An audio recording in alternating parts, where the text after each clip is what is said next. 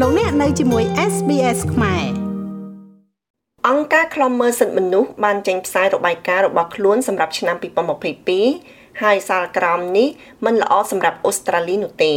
ក្រុមនេះនិយាយថាភាពអសកម្មរបស់អូស្ត្រាលីលើការប្រែប្រួលអាកាសធាតុនិងការប្រព្រឹត្តចំពោះអ្នកស្វែងរកសិទ្ធិជ្រកកោនជាបញ្ហាសិទ្ធិមនុស្សពីរដែលមានការព្រួយបារម្ភជាពិសេស។ អស់រយៈពេល32ឆ្នាំមកហើយអង្គការឃ្លាំមើលសិទ្ធិមនុស្សបានចេញផ្សាយរបាយការណ៍ស្ដីអំពីការអនុវត្តរបស់ប្រទេសជាង100ប្រធានបទសំខាន់មួយនៅពេលនេះគឺការរិះគន់យ៉ាងសំខាន់របស់មេដឹកនាំផ្ដាច់ការ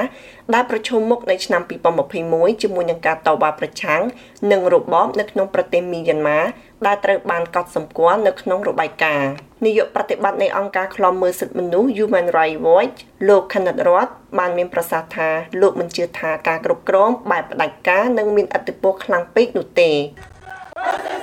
និយាយដោយសាមញ្ញគឺថាមេដឹកនាំផ្ដាច់ការឡើងរីឯលទ្ធិប្រជាធិបតេយ្យធ្លាក់ចុះហើយអ្វីដែលយើងបានរកឃើញដោយដែលយើងក្រឡេកទៅមើលកាលពីឆ្នាំមុន គឺវាហួសហេតុពេកនៃការវិភាគការពិតប្រសិនបើអ្នកដាក់ខ្លួនអ្នកនៅក្នុងស្ថានភាពជាមេដឹកនាំផ្ដាច់ការបញ្ហាប្រឈមគឺធំធេងណាស់ជីវិតមើលទៅមិនរស់រវើកទេលោករដ្ឋមានប្រសាសន៍ថាការគ្រប់គ្រងបែបផ្ដាច់ការនិយម អាចដោះស្រាយបានដោយជោគជ័យប្រសិនបើមេដឹកនាំប្រជាធិបតេយ្យងើបឡើងចំពោះបញ្ហាប្រឈមនៃយុគសម័យរបស់យើងមានតម្រូវការសម្រាប់ការដឹកនាំប្រកបដោយចក្ខុវិស័យនៃអំណាចទៀមទាដើម្បីដោះស្រាយបញ្ហានាពេលបច្ចុប្បន្ននេះ មានការចាំបាច់ត្រូវតែកើនឡើង ទៅកាន់ឱកាសហើយយើងទទួលស្គាល់ថាមេដឹកនាំប្រជាធិបតេយ្យសប្តាហ៍ថ្ងៃនេះមិនធ្វើដូច្នោះទេហើយប្រសិនបើពួកគេបន្តបរាជ័យ នោះនឹងបង្កើនភាពអស់សង្ឃឹមនិងការមិនសប្បាយចិត្តដែលនឹងផ្ដល់ឱកាសជាលើកទី2ដល់ពួកផ្ដាច់ការបញ្ហាមួយក្នុងចំណោមបញ្ហាប្រឈមទាំងនោះគឺការរក្សាសិទ្ធិអ្នកស្វែងរកសិទ្ធិជ្រកកោនប៉ុន្តែរបាយការណ៍សិទ្ធិមនុស្សបង្ហាញថាការឆ្លើយតបរបស់អូស្ត្រាលី គឺគ្មានអ្វីក្រៅពីចក្ខុវិស័យហើយជារឿយៗគឺគ្មានមេត្តាធម៌នោះទេលោកស្រី Allen Pearson ជានាយកអង្គការឃ្លាំមើលសិទ្ធិមនុស្សអូស្ត្រាលី ការរក្សាជនភៀសខ្លួននិងអ្នកស្វែងរកសិទ្ធិជ្រកកោនរបស់ប្រទេសអូស្ត្រាលីកំពុងធ្វើឲ្យប៉ះពាល់យូរអង្វែងដល់កេរ្តិ៍ឈ្មោះជាសកលរបស់អូស្ត្រាលីខ្ញុំចង់និយាយថាមនុស្សរាប់ពាន់នាក់ត្រូវបានគេផ្ទេរពីឈូងសមុទ្រទៅប៉ាពួរយូហ្គីណេនិងណៅរ៉ូហើយសំបីតែនៅថ្ងៃនេះសំបីតែ8ឆ្នាំក្រោយ អ្នកនៅតែឃើញមានមនុស្សរាប់រយនាក់កំពុងជាប់ឃុំ នៅក្នុងសន្តាគារ កន្លែងឃុំឃាំងអន្តោប្រវេសន៍នៅក្នុងប្រទេសហើយក៏មានមនុស្សរាប់រយនាក់ទៀតដែលនៅសេសសល់ដែលកំពុងរងទុក្ខនៅណៅរ៉ូនិងប៉ាពួរយូហ្គីណេអ្នកស្រីភាសាននិយាយថាការរចនាប្រព័ន្ធនេះគឺអយុត្តិធម៌និងមានការបំផ្លិចបំផ្លាញ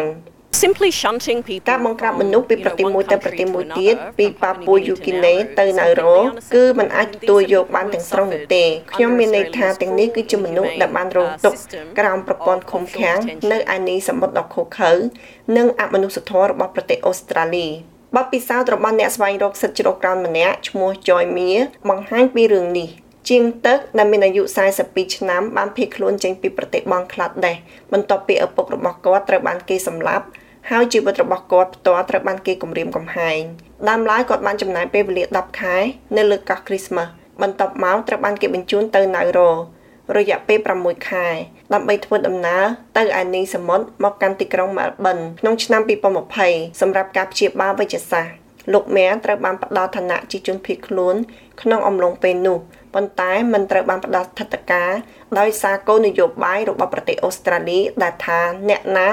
មកដោយជិះទូកមិនគួរត្រូវបានអនុញ្ញាតឲ្យតាំងទីលំនៅនៅទីនេះទេគាត់បានប្រាប់សារព័ត៌មាន SBS ពីអារម្មណ៍អស់សង្ឃឹមរបស់គាត់ Whole my life is a room ជីវិតរបស់ខ្ញុំគឺបន្ទប់មួយខ្ញុំគ្មានសិទ្ធិទទួលបានខ្យល់អាកាសបរិសុទ្ធសុវត្ថិភាពនិងសេរីភាពទេ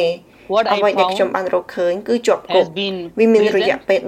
17 18ខែហើយអ្នកតស៊ូមតិជនភៀសខ្លួននៅក្នុងតំបន់បានលើកឡើងពីការព្រួយបារម្ភជាយូរមកហើយអំពីការរក្សាការពារអ្នកស្វែងរកសិទ្ធិជ្រកកោននៅក្នុងប្រព័ន្ធអន្តោប្រវេសន៍របស់ប្រទេសអូស្ត្រាលី ក្តីបារម្ភរបស់ពួកគេមានភាពបន្ទាន់ជាពិសេសនៅពេលនេះការឆ្លងមេរោគ COVID ដ៏សាហាវនៅក្នុងសហគមន៍ទូទៅនិងការផ្ទុះឡើងនៅក្នុងមជ្ឈមណ្ឌលឃុំឃាំង Villa Wood លោកអ៊ីនរិនថលមកពីសម្ព័ន្ធសកម្មភាពជនភៀសខ្លួននិយាយថាពួកគេមិនដឹងថាតួលេខដែលពួកគេមានត្រឹមត្រូវឬអត់នោះទេដោយសារតែក្រុមហ៊ុន Serco ដែលដំណើរការនៅក្នុងមជ្ឈមណ្ឌលនេះមិនបានផ្ដល់ព័ត៌មានចុងក្រោយ។ from what I've been able to confirm តាមអ្វីដែលខ្ញុំអាចបញ្ជាក់បានយ៉ាងហោចណាស់មានករណីវិជ្ជមានចំនួន13ឬ14ករណីនៅក្នុងបរិវេណចំនួន3នៅក្នុង Villa Wood ប៉ុន្តែវាមិនមានព័ត៌មានពិតប្រាកដនិងមានពាក្យចចាមអារាមបើសិនបើអ្នកចង់បានព័ត៌មានគឺនៅខាងក្នុងមជ្ឈមណ្ឌលឃុំឃាំង Villa Wood អាចនឹងកើនឡើងដល់68ករណី កងកម្លាំងព្រំដែនអូស្ត្រាលីនិយាយថាអ្នកជាប់ឃុំទាំងអស់នៅក្នុងការឃុំឃាំងអន្តោប្រវេសន៍ត្រូវបានផ្ដល់វ៉ាក់សាំងហើយសុវត្ថិភាព គឺជាអាទិភាពទី1ប៉ុន្តែមេធាវីសេវាដេនមកពីសេវាក្រុមប្រឹក្សាជនភៀសខ្លួន និងករណីកិច្ចនិយាយថាអ្នកស្វែងរកសិទ្ធិជ្រកកោនមានហានិភ័យដោយសារតែខ្វះការការពារនៅក្នុងកន្លែងនោះ។ They have no ability ពួកគេគ្មានសមត្ថភាពការពារខ្លួនទេពួកគេគ្មានវិធីដាក់ឲ្យនៅដាច់ដライនោះទេហើយពួកគេត្រូវបានចាត់ទុកនៅក្នុងស្ថានភាពមិនច្បាស់លាស់ទាំងនេះក្នុងមណ្ឌលឃុំឃាំងដែលមានតែការប៉ះពាល់ដល់សុខភាពផ្លូវកាយនិងសុខភាពផ្លូវចិត្តរបស់ពួកគេប៉ុណ្ណោះប៉ុន្តែ